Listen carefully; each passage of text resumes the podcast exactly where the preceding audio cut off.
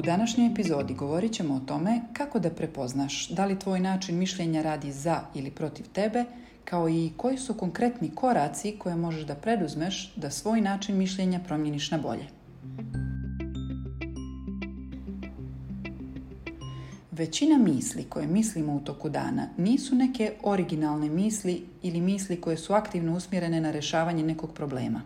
Naprotiv, Većina naših misli se ponavljaju i često su prilično beskorisne. Kao pokvarena ploča u glavi koja stalno vrti jednu istu pjesmu. Najtužnije od svega je što uglavnom nismo svjesni da ta pjesma zvuči nešto u stilu ja uvijek sve zabrljam, nešto nije u redu sa mnom, ja prosto nemam sreće sa tim stvarima, drugi ljudi nisu ok i slično. Ja sam, na primjer, odrasla sa uvjerenjem da sam vrlo osjetljiva – Lako me pogađaju stvari, nepravda, tuđa patnja, loše vijesti, društveni problemi. Međutim, ta osjetljivost ljudima koji je imaju omogućava da mnogo dublje iskuse i prijatna stanja. Znači, ta osjetljivost sama po sebi nije ni loša ni dobra, ali sam je iz nekog razloga ja dugo interpretirala kao nešto negativno, kao da nešto nije u redu sa mnom, pošto ljudi oko mene stvari ne doživljavaju tako intenzivno. Danas drugačije gledam na tu svoju osobinu i drago mi je što je posjedujem. Pa kako je onda moguće da nešto što je bilo izvor patnje postane nešto što volim? Razlika je u načinu interpretiranja.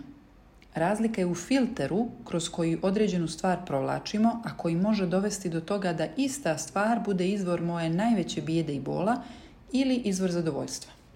Daću vam jedan drugi primjer koliko je kontekst u koji nešto stavimo važan. Možda ste čuli za Jacksona Poloka, čuvenog slikara i važno ime umjetnosti 20. vijeka. Njegov abstraktan izraz ostavio je dubok uticaj na umjetnost njegovog doba. No zašto ga pominjem u ovom kontekstu? Pa zbog toga što da Polokove slike vidite u nekom od poznatih svjetskih muzeja. Te biste slike vjerovatno gledali sa divljenjem ili makar željom. Mislili biste o tome kako su stvarane, što je bila namjera, odakle inspiracija i tako dalje. Međutim, da te iste slike vidite u nekom prljavom dijelu grada, kako stoje pored puta, vjerovatno se ne biste ni okrenuli, a kamoli pomislili o njima kao o umjetnosti. Vjerovatno biste mislili da je prosto neko neuk samo nasumično prskao boju. Ja sam veliki ljubitelj polokovog stvaralaštva, ali poenta ove priče je u tome da vam predočim koliko sve zavisi od konteksta i značenja koje mi nečemu pridamo. Za nas stvari ne postoje apsolutno objektivno, već samo s obzirom na naš doživljaj. A naš doživljaj srećom je nešto na što možemo da utičemo. Ako to uradimo svjesno, naš život može postati u najmanju ruku puno mirniji. A sada bih voljela da vas pitam, koliko često se u svom životu osjećate bespomoćnim? Kao da su stvari van vaše kontrole. Preplavljeno možda kao da nema izlaza ili kao da neke stvari vama nikad neće ići od ruke.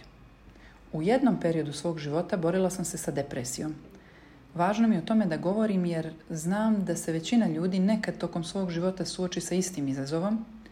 Većina ljudi doživi neku depresivnu epizodu nekad u životu. Bilo da su svjesni da se o tome radi ili ne. A mnogi ljudi zbog toga osjećaju stid i imaju doživljaj da nešto s njima nije u redu.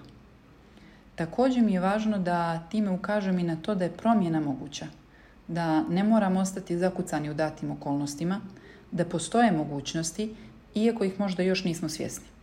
Da mozak ima sposobnost da se mijenja zahvaljujući dobrom uticaju. Ali što je to što pravi razliku? Pa neki ljudi uspiju da prevaziđu izazove, da se mijenjaju, da napreduju, a drugi ostanu zaglavljeni. je u onome što zovemo način razmišljanja, mentalni stav – ili, ako vam je draže, mindset, pošto se taj termin odomaćuje u našem jeziku. To je za mene jedan od najinteresantnijih koncepata u psihologiji. Definicija pojma mindseta, odnosno mentalnog stava ili načina razmišljanja, kako ga je opisala Carol Dweck, autorica ove ideje istraživanja ovom konceptu, jeste da je mindset jedna vrsta mentalnog okvira ili sočivo koje selektivno organizuje informacije. Što to u praksi znači? To znači da od svih informacija kojima smo bombardovani, vizualnim, auditivnim, taktilnim, informacijama, unutrašnjim reakcijama tipa gladna sam, hladnom i tako dalje, naš mindset selektuje određene kojima daje pozitivno ili negativno značenje i na osnovu njih interpretira i boji našu stvarnost. O tome koliko je naš taj mentalni stav značajan, možda i najbolje je pisao jedan od mojih omiljenih autora, Viktor Frankl. On je bio psihijatar koji je preživio nekoliko koncentracionih logora i kome su svi bliski članovi porodice stradali u ratu, koji je dakle imao priliku da svjedoči nekim od najstrašnijih ljudskih iskustava.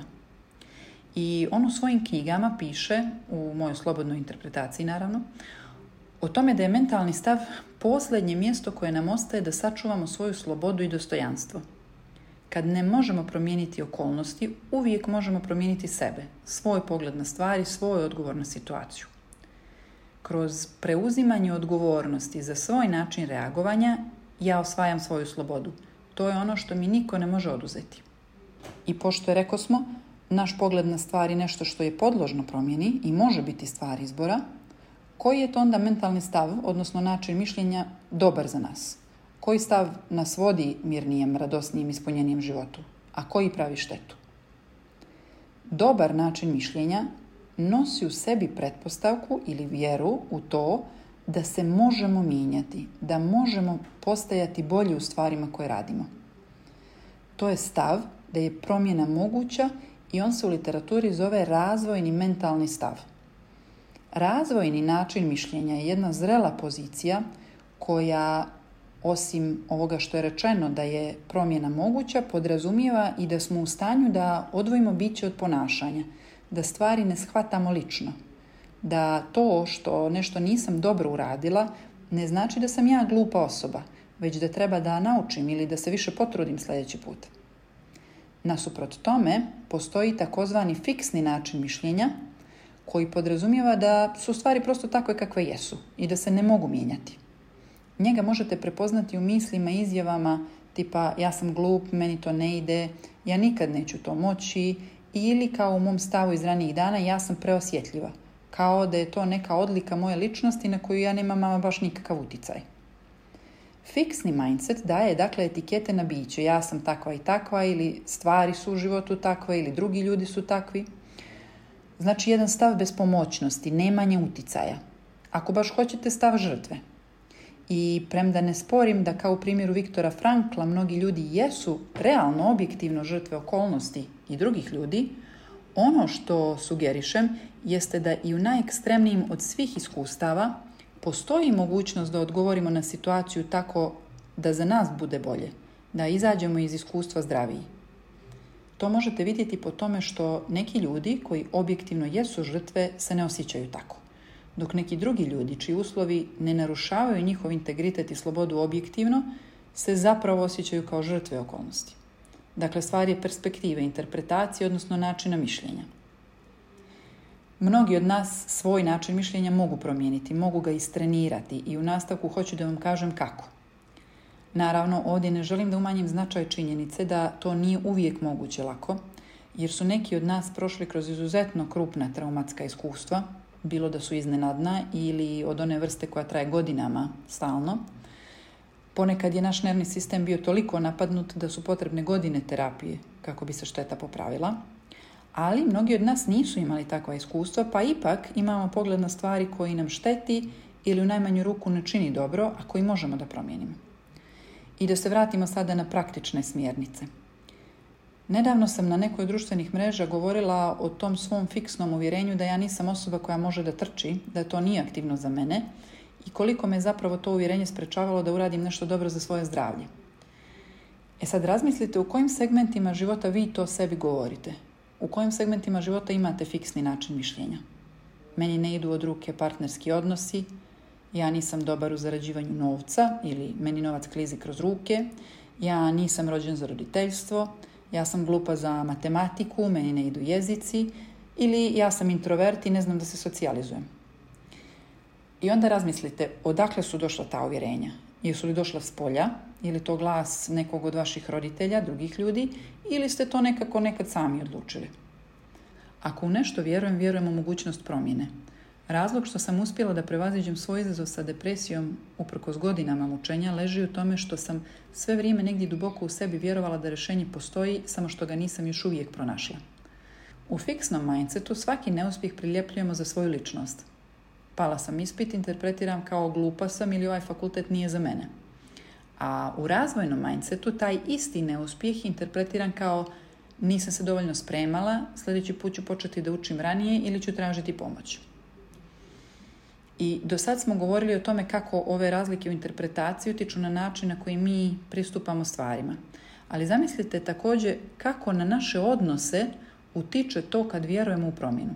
Kako recimo na moj odnos sa djetetom i vaspitni stil utiče kad vjerujem da dijete može da se mijenja, razvija i da napreduje u odnosu na recimo varijantu kad vjerujem da on jednostavno takav i takav, jel? tvrdoglav, sebičan, manipulativan.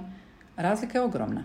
Jer kad vjerujem da on prosto nije naučio da dijeli još uvijek, onda znam da je stvar u tome da mu pomognem da vježba i da imam strpljenje i strajnosti kako bih mu pomogla da se promijeni. A ako vjerujem da on jednostavno takav, recimo sebičan, on će jednostavno takav i ostati.